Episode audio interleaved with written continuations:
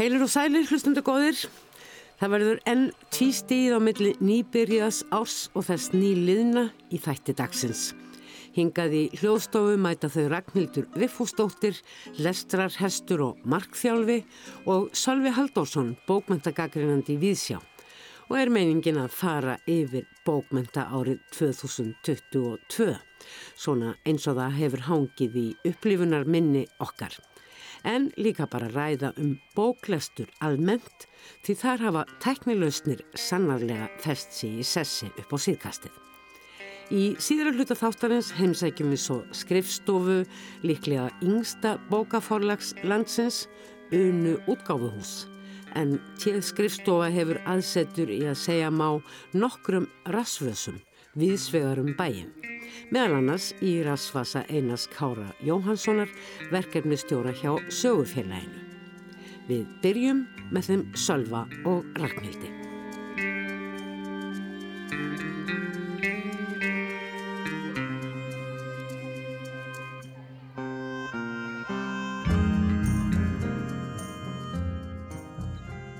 Ég sagði hér rétt áðan í uppháfskynningu þáttanarins að ég hefði kallað hingað á minn fund tvær bókamanniskur. Annars vegar þig, Ragnhildur, Mark Þjálfin, einnig með háskólaprófi í Sackfræðu og fyrrum kennari og ymsum skólastígum, reittstjóri, fararstjóri, jafnbrettis, fulltrúi, langt líf og margir hattar, ef svo má segja. Hingaðist samt bóðu fyrst og fremst vegna þess að á samfélagsmiðlunum Facebook montaður þið af bóklestriðinu. Hundra bækur á síðasta ári samkvæmt eigin skráningu á uh, bókasíðinu Goodreads. Fyrir Salva Haldurssonar er kannski ekki eins langur og fjölskrúður og regnildar. Bækur og skriftir hafa hins vegar um allangt skeið átt huga hans og Hann er mentaður í íslensku, hefur gefið út eina ljóðabók, piltar í pastelritröð flóru á Akureyri og hó núna í haustnám í ritlist.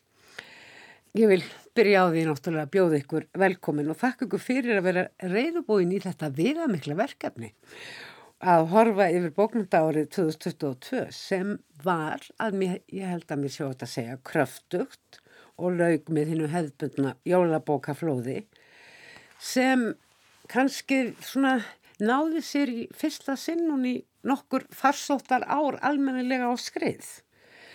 Sálfi, þú hefur vantarlega dálítið svona skannað það sem var að koma út af því þú varst nú búin að ráða þig sem gaggrínanda mm -hmm. til þess að svona pikka út hvaða bækur þú vildi gætna gaggrína.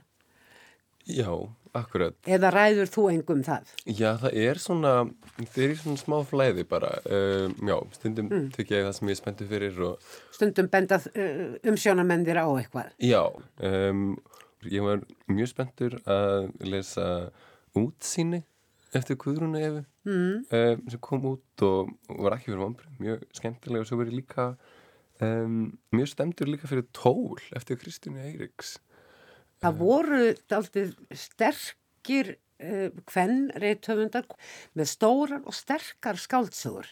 Konur sem hafa gefið út margra bækur eins og Auður Ava, Sigriður Hagalín, Kristín Eiris eins og það nefnir Sölvi mm -hmm. og, mhm. og, og Guðrún Eva og uh, síðan Bergþóra Snæbjós má kannski fara í þennan flokk líka og uh, svo ljóðskáld eins og Gerður Kristní og, og Linda Vilhjáns. Algjörlega, og Steinun Sigurdóttir Já, fyrir á þessu ári. Já, Mjög mörg, sko, okkur svona alveg stærsti lögskaldum að gefa út mm. í ár. Líka Sjón og uh, Þóran Eldjárn. Mm. Ég held að hann hafa nú bara verið með tvær bækur annars vegar ljóðabók og hins vegar þættir, þættir, þættir eins og bókinn hér Já, tvær, já, já, það er báður eftir. Er þið búin að lesa þær? Ég er búin að lesa hana fyrirbókina, Ljóðin. Já, ég líka. Ég glind að monta með henni. Þannig að þú skráir ekki alveg allt Ég reynir það því ég er einhverju grunninn. en Ragnhildur, er langt sér þú byrjaði að henda reyður á bóklastriðinu með Goodreads? Sko ég er lestarhestur og hef verið alveg því að læra að lesa. Sælusta stund bensku minna þegar mamma, amma minn sendi bókakassan til vikur og ég meina ég var bara bannlist af bókasafninu því að búið með alltaf barnadeildinu og reyna ásæla spækur í fullorðsdeildinni og þegar ég var í kringu tvítu þá skrifaði ég svona bókadagbók. Og líka reynda bíómyndi sem ég sá svona. Afi minn hafði alltaf gert þetta og mér finnst það svolítið áhugavert. Mm. svo hætti ég mörg ár, svo byrjaði ég á Goodreads fyrir einhverjum árum. Og að nefndir ég hef verið að monta með hundrað þá var ég sko um 104 ára þannig ég er að fara niður. En markmiði voru 52 Já, einn á viku. Já, mér finnst það svona temmilegt. Þetta er mjög breið flóra ef svo má orðið komast. Þetta eru ellendarbækur mikið, margar á ennsku, þetta eru þýðingar, þetta eru eldribækur, þetta eru reyvarar, þetta er klassík en líka nýjar íslenskar. Já. Þú nú mæntalega svona fylst með jólabókaflóðinu og útgáfunni. Já, ég tók það ákvörðu fyrir nokkrum árum að byrja aftur að gefa bækur í jólagjöf að því að mér varst það svo góður og fallur íslensku siður þegar ég var yngri þá var þetta svo mikið vesinn þegar bækurna var í plastinu og svo mikið vesinn að náða múið plastinu svo ég geti lesið þar á henni í gæfiðar þannig núna er þetta svo miklu betra og ég veit að allir sem hafa bókum frá mér vita ég er búin að lesa. Og mér finnst svona, ef mér finnst bók góð þá gef ég hann alltaf áfram. Og ef mér finnst hún svona ekkert sérstak þá gef ég hann kannski ekki áfram En uh, þú hafið lesið Gratíönu af nýju bókonum og það voru svona nöfn og titlar sem ég hafði ekki tekið eftir. Já, ég las þarna Dalin til dæmi sem er krimmi. Já, eftir Margreði S. Höskuldsdóttur. Já. Er þetta bara bækur sem kom upp í hendurnar að vera á bókasafni eða? Sko, að því ég, að því ég er stórn heitandi og ég ætla að segja það strax að bestu tíðindi síðast ás eru þau að nú er hægt að nota sama bókasamskort á öllum bókasöfnum á höfuborgarsvæðinu. Sko ég er í bókaklúb og hefur verið í bókaklúb alveg síðan 1990. Fyrst var ég í bókaklúb á hérna Kvennréttendufélagsins og flutti ég til Akureyra þá fór ég í Kvennakrimaklúb og það er lesa alla mjög mikið og eru duglar að benda á bækur. Þannig ég fæ oft hugmyndir þar. Ég fæ hugmyndir á Goodreads, ég fæ hugmyndir í hérna bara á Facebook í bókagullinu stundum hefur ég bara sett inn status og satt nú að ég er svo margar einingar og ótabúl með hverju mæliði og þá bara eru allir þannig að vinni minni bara mhm. frjást að benda mér á og svo tekka ég hans á þeim og svo les ég svolítið af þeim og þannig hef ég uppgötta marga alveg frábæru höfunda mm. sem ég hef aldrei heyrt um áður Þú eru nefnt eitthvað? Hérna Morton held ég hún heiti sem ég lesi allt eftir Kate Morton sem er áströlsk og bækundunars gera samt ofti hérna e, Breitlandi svona stóri rómanar og bara reykala skemmtilega. Sögulegar skáldsögur eða? Nei, svona samt það er svona eitthvað. Örlega sögur? Já, já, örlega sögur, margra kynnslóða og svo er ég á mjög skemmtilegri síðu sem heitir Modern Mrs. Darcy og það er svona bókórmur eins og ég sem að skrifa hann um bækur þannig að núna var á ennsku þá? Já, og núna var hún til og með svona lista yfir frábæra bækur síðast árs og þá fer ég bara inn og merki hverjar ég hef áhuga á þegar ég er búin að teka þess að þeim Þannig ég er alveg komið með bókalista sem að... Fyrir næsta ár? Minnstakosti 52 bækur? Já, já, já, já. það er, það er markið sko. Og með þess að konur færa með bækur. Ég sá að Gúdrít sást að lesa þennan höfund og bara hringið dýrabellinni og var að færa með bækur. Mm. Já, gott tengst. Dreifa þeim. já. Selvið. Mm -hmm. Þú kannski ert meira að beina faglegum augum að bókaflóðinni. Fannst þú sjá eitthvað svona stand, þú nefndir Guðrún ef mínur dóttur að þú er lakka sérstaklega til þess að lesa mm -hmm. hana eins tól eftir Kristínu Eiríks þessar ungu konur sem eru kannski ekkert svo unga lengur eiga nú þegar mikinn feril en var eitthvað komið út mikið af bókum til dæmis eftir mjög unga höfunda höfunda sem eru kannski nýútskrifaður úr reyðlistmarkir hverjir Já. Eh, fylgistu með þeim, þetta eru nú kannski svona þínir næstu kollegar Já, þannig. akkurat, akkurat nefndafélag er líka útgáfi félag kom út aðna í þrjár ljóðbækri núna fyrir vorið mm. um, sem héttu Mars, Perlumóður og Eðurofi sko, ég las Mars eftir Sunnum með Kristínu og Eðurofa eftir Katrínu Vinter sem voru tvær svona mjög ólíkara skemmtilegar ljóðbækur en sko sér maður líka sko að mikið af fólki sem að um, gefur út sko útskriftarverkin sín sem er, eða mistaraverkin er þá undir handleyslu eitthvað sleiðbranda Sko mér finnst þetta alveg frábært hvað rýtlistin hefur skilað mörgum spennand og nýjum höfundum mm -hmm. og ég hafði mitt lesið einhverja eina held ég Gertnaður? Já, ég las Gertnað árinu sem var mjög skemmtileg hún heiðavítís en ég hafði lesið hérna bóka eftir hann hérna sjálfsorkunina sem kom út Já, á Ingolf Eriksson. Já, og ég var eitthvað hælinni og þá var ég með kom heiðavítis hann inn á Facebook hjá mér og, og benti mér á fleiri bækur eftir svona unga höfunda þannig að þá ríksuði upp nokkuna þannig, og mér finnst þetta bara frábært og líka að fá þessa leðsögn og hafa þetta svona En finnst ykkur eitthvað einkenna uh, þessar bækur, þetta hafa mörg verið svona smásagnarsöfn eða svona laustengdir sagna sveigir eða jáfnveg tilraunakendar stuttar skáldsögur. Mér finnst eins og mjög margar af þessum bókum að efniviðurinn hafi staðið höfundinu mjög nærri. Eru þið sammálað því? Eins og breytt ástand eftir Berglindi Ósk kannski getnaður eftir heiðu allavega passar svona kynnslóðastafan við það. Finnst sjálfsvorkun Ingóls svolítið sér á parti í þessu samhengi en svo var hérna telt upp í miljón Já, akkurat, já, ég get alveg verið sammálað þessu. Fólk er órættið að fjalla um einhvern sem stendur að mjög nærri. Og kannski finnst það eðlilegast og sjálfsagast að, að fara í þær Í eigið áttir. líf, Já, eða- í eigið líf. Já, það er svona, svona kannski heldur endilega ekki neitt nýtt en, en sko að því að sketna að það hugsa bara þetta hefði alveg geta verið mín kynnslóð nema að voru hopp, hjól og COVID vitið, en mér varst alveg verið að tala um það sama og verið að díla við það sama Akkurat, akkurat. og mér varst það svolítið skemmtilegt Já, það er náttúrulega oft í þessu allra persónulegasta Já. sem þetta svona almenna kemur fram Já. eða sem er svona samanlegt eitthvað. Sko er það ekki kannski líka eðlilega svona kannski með fyrstu bóka, þá verður með einhverja sögu sem hefur kannski verið að sækja á þig og þá vinnur úr henni og þá getur kannski opnað fyrir eitthvað annað næst Þetta það í hug. En svo hef ég sjálf sko svo gaman að því að því við nefndum hana eins og Gradiönu sem er framhald hann er síðan handstætturum. Þetta er svona heimur sem hún býr til sem er algjörlega frábælega skemmtilegur og mér fannst það með sér svo handstættur. Það sem ég fannst hún gera svo vel í Gradiönu var það að það er alltaf leður að það er ekki lesi, lesi fyrirbókina. Því að hún rifja svo myrstæralega upp það sem það þarf að vita úr fyrirbókinni. Af því að það er kunst þegar þú ert að skrifa svona framhaldsbækur og það get ekki allir gert þetta þannig ég hugsa bara, wow, þetta er svo flott hjá henni. En ég mæli samt með að fólk lesi fyrstu bókina því að hún er líka mjög góð. En það er ekkert sem að þið getur sagt að ykkur finnist einkenna þetta bókmenta ár. Kanski ofstuttur tími liðin frá því og ekki nægileg framtíð he- hefur bæst við. já, ég er bara með svona kannski yfirborðslega aðtöðsend mjög rosalega svona fancy kápur í ár, rosa glansandi og litsterkar og glamúr, luxustemming daldið, mm. hans mér. Finnst það glamur, mér finnst það svo glatt. Já, mér finnst það að vera svona glaður glamúr yfir Já. mörgu einhvern veginn. Einmitt. Ég hjó líka eftir Ragnhildur að uh, þú, þú lest alltaf reyfara, af öllum tegundum og sortum. ekki alveg, ég suma höfum bara, ég sko, mér er skemmtilegast að lesa krimma sem að konur er í aðalhutverki, ekki endilega sem morðingjar, heldur sem þeir sem leysa málið og sé eftir konur. Það finnst mér skemmtilegast. Svo slæða svona, annars slæði eitthvað aðri inn hjá mér. Ég er búin að kynast tveimur nýjum, Kruger sem er þetta kallmaður og hérna Lou, Louis Penny sem skrifar um litla borg í Kanada. Þessum er alveg ótrúlega mörg morða með hvaða sætt borg. Þannig ég hef svolítið verið að lesa þær. Þetta eru skemmtilega sögur. Já, ég vil hafa svona einhverja persónusköpun og ég vil eitthvað neginn, og það skiptir mér rosalega miklu málu þegar ég lesa bækur. Ég las til dæmis nýju bókina Snæ, Snæja, satt orð.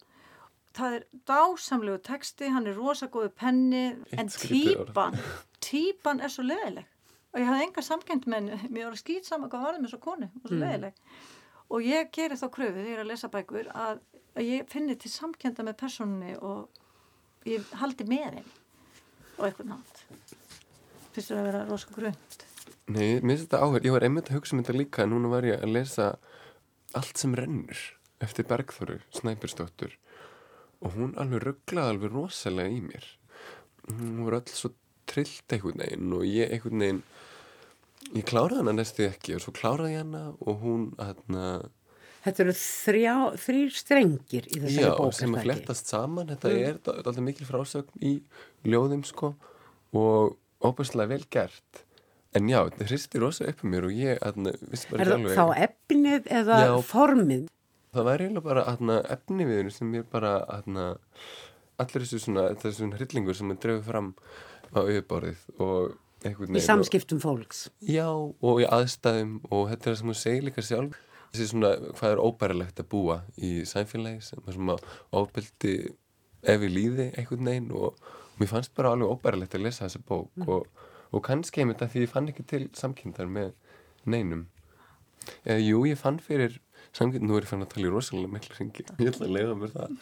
Nei, já, en, en einmitt. Nei, þótt er samt líka tólti vænt um það, því það er eitt að lesa bók og vera bara rosalega ánæði með hana. En það er annað svona þegar eitthvað kemur alveg við mann og maður bara og, og svona nagar mann mm. og það er svona yfirleitt alltaf gott merki finnst mér. Já það finnst mér líka. Þegar maður einhvern veginn eitthvað stuðar mann já, eitthvað, en já, dregur af samtímis. Svona reyfi við manni stuðar mann veist, alveg sem ég var að lesa manni merkingu þetta er fríði Ísberg. Mér finnst hún svo erfið en mér finnst þetta svo þart málefni veist, og ég er bara alveg pindi mill að lesa í gegnum hana. Mm og það er gott, mér finnst það svona Akkurat, síðan var svo að finna því að ég upplýtt alltaf sama með eten eftir auði öfi það er rosalega ólík bók. En mér finnst það ægilega skemmtileg. Og auðvitað á náttúrulega rosalega fyndin höfundur líka. Og bara gaman til hann tólaði gaman, gaman að lesa þessi bók. En ég hef bara hugsað hvert maður að fara með mann og hver, mm. hérna, hver tilgangurinn væri, hver tilgangurinn væri. Það væri verið að segja mér er hún að stríða mér eða er hún að veist, er, er ég að stríða henni eða hvað mér heyrist svona eða það er svona tilfinning mín að kannski skáldsögurnar í ár sem við höfum einbeitt okkur að frekar heldur en ljóðunum þetta eru miklar sögur og gaman að lesa þær. Að það kannski mætti setja sem einhvers konar nú þurfum við bara sögur. Já, eitt af því sem við hjónin höfum gert það er að hlusta saman mm -hmm. og hann enda segir að ég sopna alltaf strax en það er ekki rétt hjónin ég man ótrúlega mikið úr því sem við hlustum á. Ef við hlustum í bílinum líka og svona og við tókum síðast ára og hlustum á bækunars eina Kárassonar eina um Íslandikasögurnar Offsi og allt þetta. og það var svo gaman og þetta er náttúrulega rosalega sögur. Sko þegar þú segir stóran og mikla sögur. Að mér er svo dásanlít í sumum að þessu sögum að það eru svo litlan en það er svo innhalsríkar svo mörg lög og allt þetta. Ég veist það líka gaman og svo ætla ég að vera rosa pleppi og segja minnst eitthvað rosa gaman þegar að, því að tælja bækunum sem ég les að það sé ekki allar svona þykk. En, og að því ég les svo mikið á kindli og ég hlustar svo mikið þá veitist um ekkert hvað þeir eru þykkar þegar ég byrja á þeim. Og þegar ég hugsa býtu er þess alveg óæntanleg þegar ég las þarna The Lincoln Highway þetta held ég hann heiti eftir sama höfund og Gentleman í Moskva þekkið hana? Nei. Gentleman in Moskva er einn bestu bóku sem ég lesið. Og þannig ég las aðra bóku eftir sama höfund Og, og hvað heitir þessi höfundur? Hann heitir Amor Tolls, ég kannum ekki að bera þetta fram The Lincoln Highway. En svo sá ég bókinu bókasafninu og þá er hún alveg brjálæðislega þykk. En þú talar um Kindle og uh, Audible og, og að þið hjónin hlusti mikið Þú lest að bók, Sölvi? Já, ég les að mesta bók. Að bremtari bók? Já, ég líka með aðganga Storytel, sko, en ég næ aldrei að klára neina bækur þar inn á.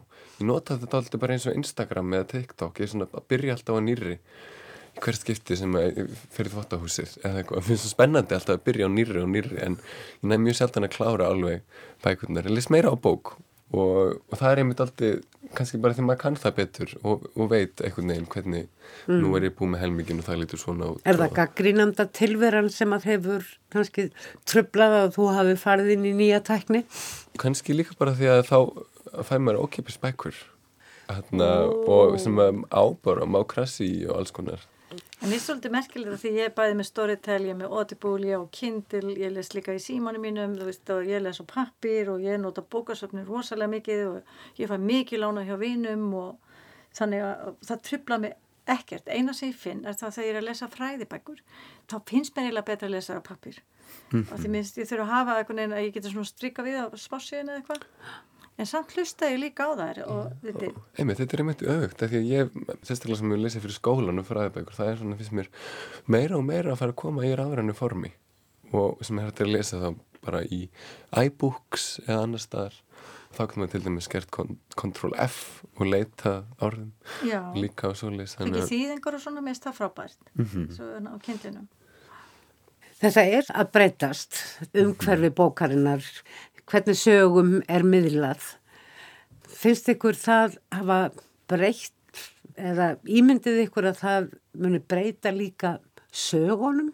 Já, ég held að. Ég heyrði til dæmis að hérna, það var að fara að skrifa miklu meira hljóðbækum þar sem kaplarni var í hálftími að því að fólk fer út að ganga í hálftíma mm -hmm. og það er svo óþægilegt þegar maður er að hlusta á eitthvað og maður hættir í einhverju miður kapla og svona Þannig ég veit, þetta er bara, ég lasi þetta eitthvað, ég veit ekki hvort það sé rétt. Mm. Þannig að það geti haft áhrif á hvernig maður byggir upp b- bókina. En mér finnst um eitt sem skiptir mig gríðarlega miklu máli, það er lesarinn. Að ég hef bara hægt í sumum hljóðbókum vegna þess að lesarinn tröfla mig svo mikið. Já, sammála, ég hef líka gert það. Og ég sé það að það er alveg svona listar yfir sko það sem maður getur valið sér hljóðbækur eftir lesaranum.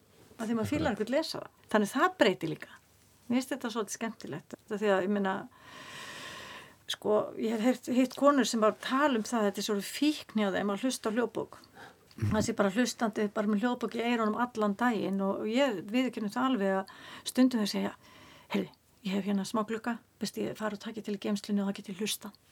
Og svo er ég bara einir í geimslu eitthvað að taka til og hlusta og vil alls ekki vera tröflu. en er þetta ekki jákvæð fík? Jú, maður skildi ætla það og kveikir ekki og þroskar bók, lestur, hvernig svo sem hann fer fram hvort hann fyrir gegnum augu eða eiru ekki samkend og meðlíðan. Er það ekki það? Jú, maður verður að vona það. Algjörlega, ég listaði líka nýja tegund af bók um daginn, eða bókmyndaverki, það var aðnað svona sefnbók inn á Storytel sem að Þorvaldur Davíð, leikari með, með færa rött les sem sagt sva, sefandi eða svæfandi Já. sögu Já, og ég prófaði þetta og hún fjallaði um tjörn inn í, í skógi og, og svo sopnaði ég og ég kláraði hann bara um nótina í sefni, þessa nýju bók Já. en mér finnst þetta svo augrandi Hver er höfundurinn? Þetta var þýðing, en ég veit ekki, ég man ekki hverju höfundurinn var, en ég hugsaði þetta er nú ekkert svona leiðilegt eða kannski er þetta Nei. skemmtilegt eða hvað, þú veist, hvernig þetta muni virka nei þetta er alveg sérstök aðferð til að svæga fólk og róa það niður. Já, Einmitt, ég sé fleiri svona bækur og ein- einmitt stundur hlustað á það. Og þá er efni sjálft er einhvern veginn sko róandi og röttin er róandi og þetta er svona til að hjálpa fólki Er bara að þetta ný bókmentagrein? Já. Já, mér finnst þetta svo spennandi hvað hann er að segja meðan ég sef. Já, að því hann heldur áfram, sko, ég kláraði alveg seríuna. Já, erum bara með það svart, ég meni ég stilla alltaf hérna á klukkuna. Já, já, einmitt. En segið mér einhver spennandi bókmentaverk. Eitthvað, var einhver staðar eitthvað nýtt að gerast? Í formi, intaki, Já, ég myndi kannski nefna Ísland Pólarað eftir Efi Martinek sem er sem sagt að ná, ég er um líka búin að hugsa rosa mikið við formi þeirra bókara því að hún er í bókatíðindi með eitthvað staðar stendur að safn, uh, örsagna og ljóða en þetta er einhvern veginn svo mikil sko ein saga eða eitt verk en það er einhvern veginn þrývítt. Já, það er þrývítt og þetta er líka finnst þetta, sérstaklega velgert þarna því að þarna eru íms, ímsir höfundar, íms verk sem eru svona þarna á milli um, milli greina að gera þetta ekki alveg ljóð, ekki alveg saga eða svo leiðis en mér finnst þarna ef við takast að teflalega tæpast að þetta er alveg þarna sem eru langar örsugur og niður í bara svona einhverjar orða runur eða eitt einasta orð þetta er rosalega velgert já, ef við finnst mér Ég hef ekki lesið þessa, ég þarf að ná mér í hana. Já, komum við út í sumar eða vor En núna er ég að lesa á kvöldina því svo heppina dæti mín að tók ekki jólagjörna með sér heim og það hefði fengið Gyrði Eliasson, sikkur á bókina. Og þetta er náttúrulega örsögur, nánast ljóð, það bara liggur við að það eru tvær blæsið skilir þá er það langt. Og ég bara smjatt á orðanum, ég les upphátt fyrir manni minn og þetta er svo fallega myndir. Og mér finnst það allir með þessu bókin líka en að Rögnu Sigurðar Já, einmitt mér finnst eins og ég væri inn í málverki og fara svo á sýninguna í, hérna gerðarsafnið Geometria sem er Akkurat. mér finnst það dásamlegt ég sagði þetta að gera miklu meira af þessu Já, það var alveg mjög sérstaklega já, góð skald segja líka. Þetta er auðvitað, það er ástin. já, Hvað sé skemmtilegast í titillin líka? já Við þurfum nú að fara að ljúka þessu. Ég þykist sjá og heyra að við munum ekki finna loka punkt á þetta samtal. Heldur munið það reynlega að halda áfram hjá ykkur á leiðunni hér út úr húsinu, hjá ykkur, hlustendur góðir í sambandi við bækurnar sem að þið hafi verið að lesa og munu lesa og bara yfir höfuð. Það að tala um bækur er nefnilega stór hluti bókmyndana, ekki satt. jú, tala um þar og deila þeim, lána þar og mista það Já, það er ofta langmesta stiðið, sko. já, Takk fyrir Ragnhildur Vikfúsdóttir og Sálfi Haldarsson.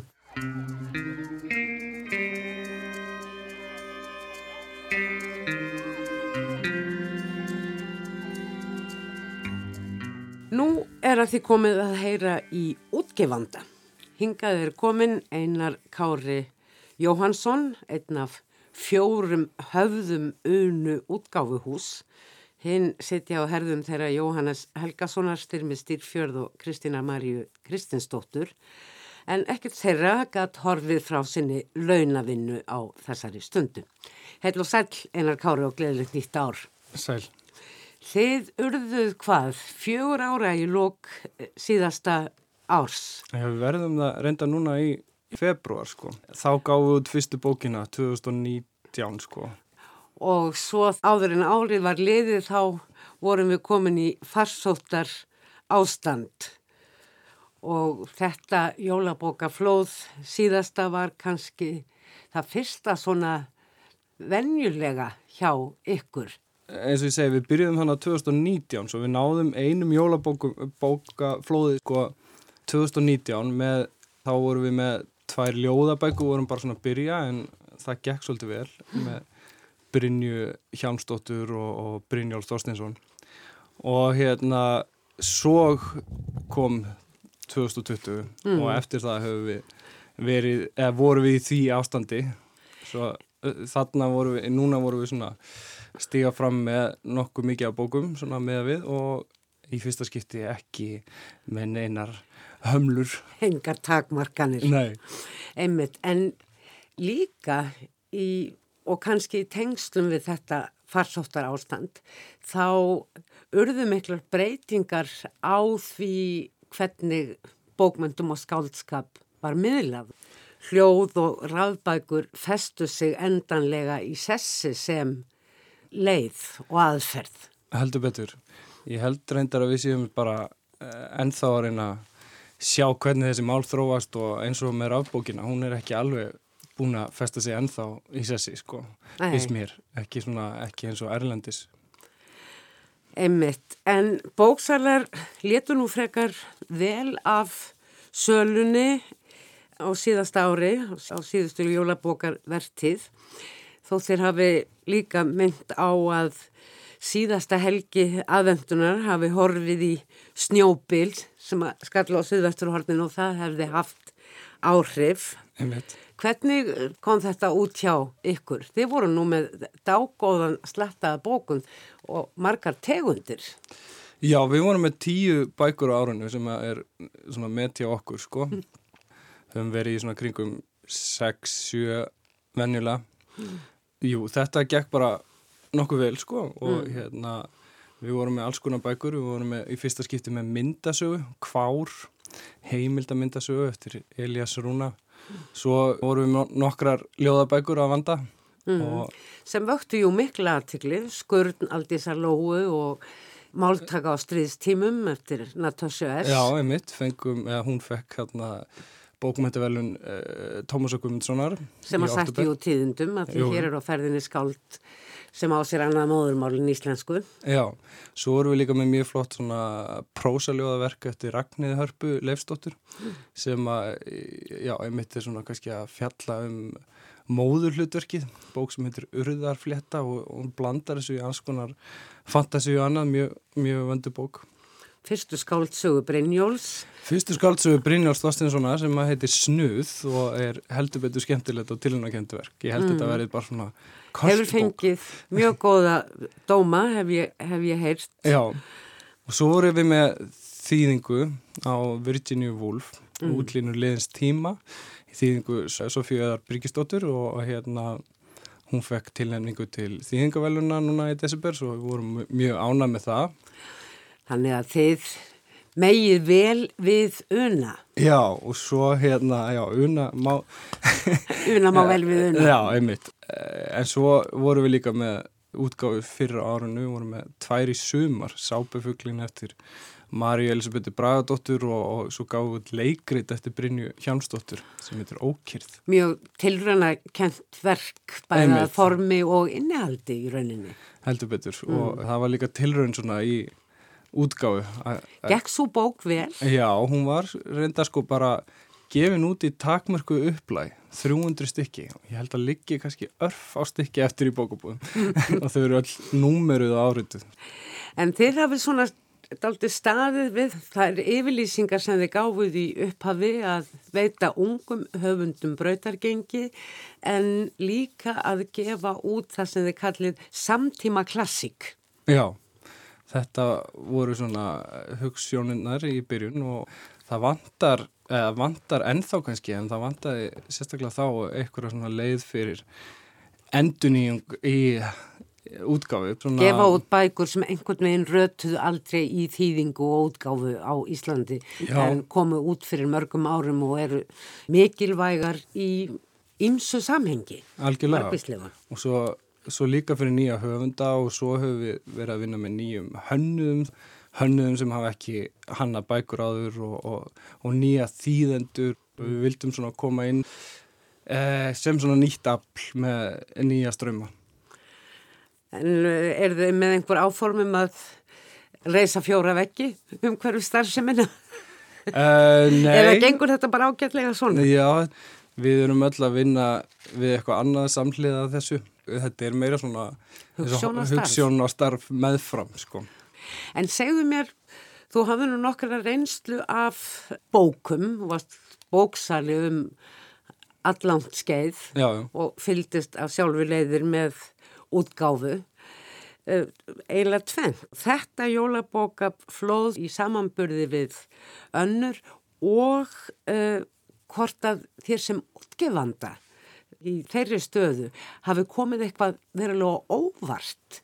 E, já, sko það er, það, það kemur alltaf óvart hvað maður getur einhvern veginn svona fundið aðeins stemminguna í loftinu bara í hverju jólabókaflöði og það er alltaf einhver mjög Er hún öðruvísi sem bóksæli heldur en sem útgifandi? Já, hún er það og hérna maður, það er náttúrulega einhvern veginn meira stress að vera útgifandi þótt að það sé líka mikið að gera hjá bóksölum þá er svona, þú færið þetta svona alveg beint í æð Þetta eru þínir eigin peningar sem þú ert að handla já. með og tími og, og andagift annara En maður saknaði stundum að vera á þálasmessu bara í kraðaginu inn í bókabúðinni að, að meðhandla þessar nýju bækur og selja þær og tala um þær sko.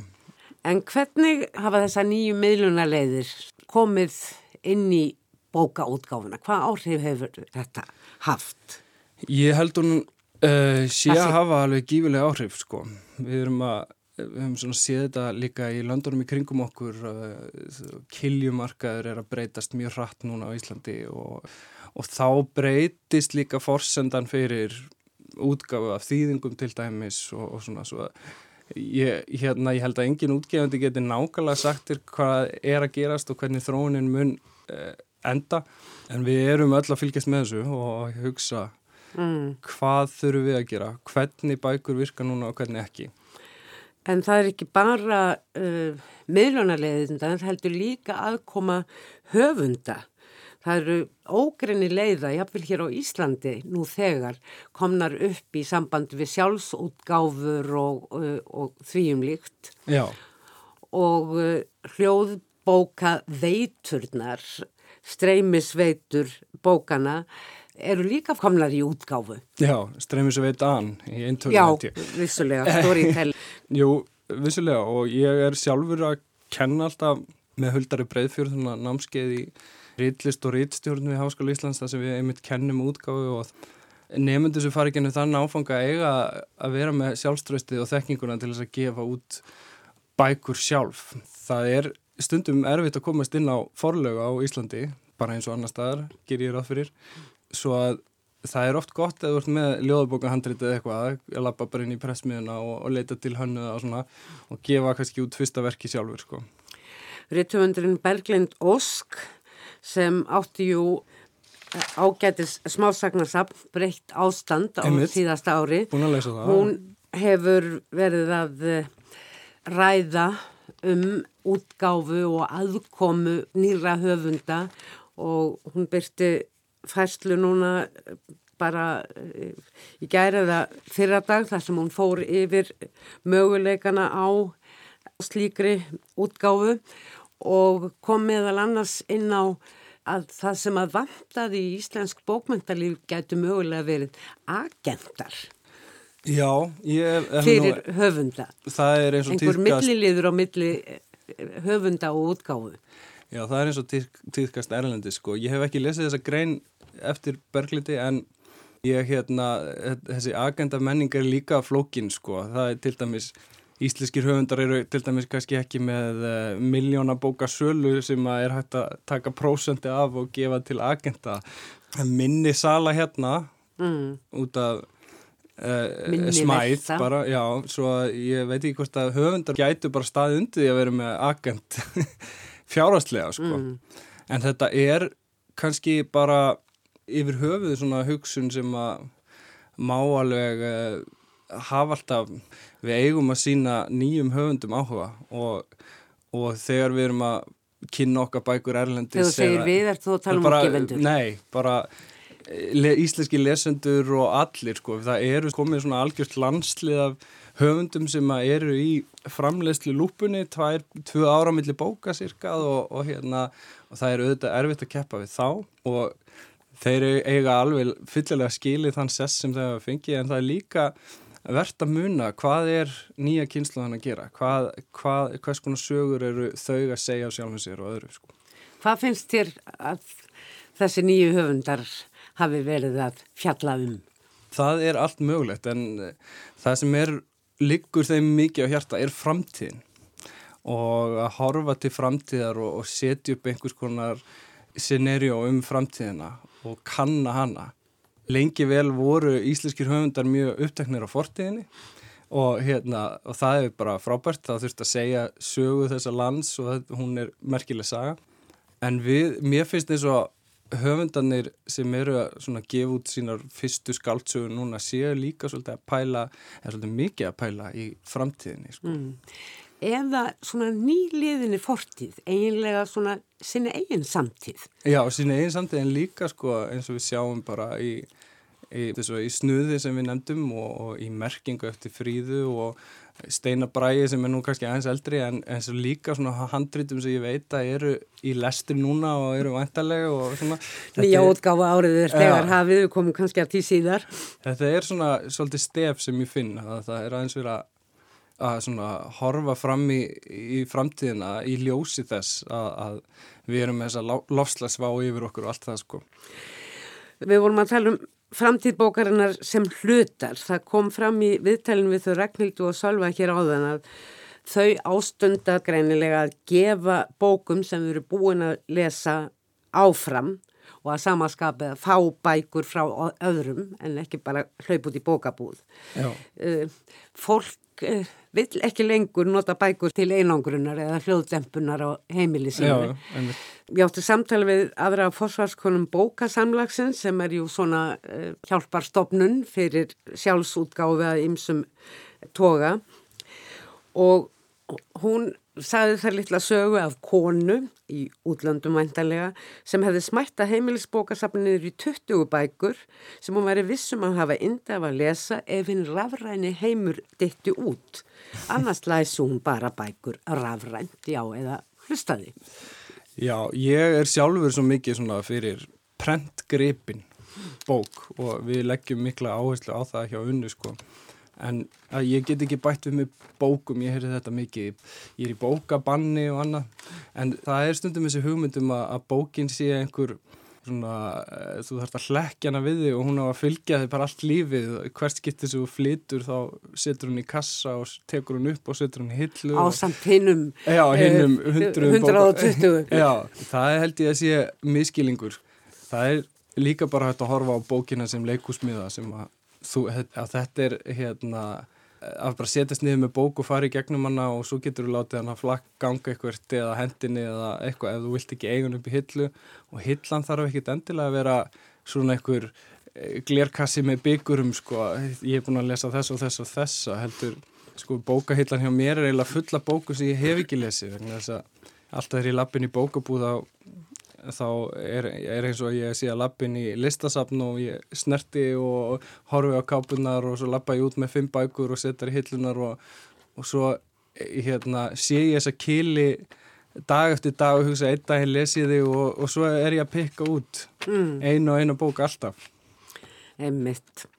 Þeir eru vantilega löngu farin að huga nýju útgáfu ári eins og reyndar í aðrað. Jú, jú. Hvað er framöndan?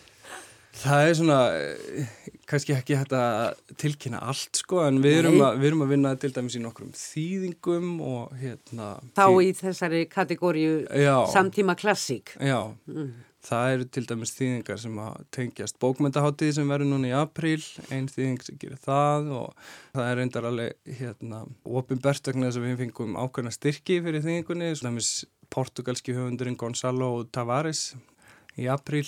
Fyrsta sinn á Íslandi? Já, og svo erum við allir að halda áfram með svona verkefni tengt við gáum út í eh, 2021 gáum út bók sem heitir Polifónia verðlendum uppruna sem að Natasja S. Eh, rittstýriði það sem var svona sapn af ljóðum eftir eh, skálda verðlendum uppruna og við ætlum að halda áfram að vinna með þeim, ekki endilega í ljóðaformi, heldur hugsa eitthvað lengra, einhver svona sapnuritt. Þessir höfundar sem eiga sér annað móðumál heldur en íslensku eru komnir inn úr gættinni. heldur betur og, og, og síðasta ár þá svona stimpluðu þau sig rækilega inn marga bækur frá þeim og fyrstu bókmyndavelunin og þau eru komin til að vera og við tökum þeim bara fagnandi sko. Lendarmál síðasta jólabókaflóðs, eitthvað sem að fór lágt en hefði átt skilið betri aðtegli, eitthvað sem þú uppgötvaðir eða láð þetta allt á borðinu og var bara á miklu sveimi, hlaðvarsveitum og samfélagsmiðlum og eitthvað í blöðum og bókablaði stundarinn og svo framvegis. Já, það var rosalega mikil útgáfa í fyrra fannst mér og, og ekki bara mikil heldur líka hún var svo, var svo mikið gæði á mörgu. Það var eins og fólk hefði gefið sér jafnvel eða fengið betri tíma, kannski farsóttar afleðing. Ég held það. Og ég til dæmis, ég hef alveg geta búið til uh, annan lista yfir þá sem fengu ekki tilnefningar til íslensku bókmyndavelunum og ég held að sá listi er ekkit síður en sá sem að var fyrir valinu sko. Það er kannski ekki leyndamál en, en hérna það er mikið, það kom mikið af góðum bókum út og líka góðar þýðingar sko. Og svo voru það þessar húsabækur, bækur um svona okkar manngerða umhverfi. Já, ég held að við séum svolítið svona að, að hérna, eh, segja einhvern veginn sögu þéttbílismyndunar og, og borgar hérna á Íslandi loksins kannski. Á, um leið og við erum farin að brjóta hluti niður Já, sem að nákvæmlega. voru hluti af þessari borg. Já, mér fannst þetta mjög ábyrrandi að það voru margar bækur sem tengdust húsum. Ég gaf sjálfur út farsótt hjá sögufélagi eftir Kristínu Söfu Tómasdóttur sem að sló í gegn algjörlega og, og hérna Um fjallar farsóttar sjúkrahúsið, saga borgarinnar Reykjavíkur Einmitt. í ljósi þess hús við Þingolstræti. Hún var ekki eina bókin sem var tilnæmt til íslensku bókmyndavelunana sem fjallaði um hús, það var líka nestofa Bók arkitektsins Þorsteins Gunnarssonar Einmitt. og leikarans. Og svo kom út skaldsagan Tugthúsið eftir Haugmá og, og hérna og það voru fleiri, er það ekki? Jú, jáðar setning, við skulum ekki gleyma henni, um niðurrif búnaðabanka húsins Já. í Lækjagötu.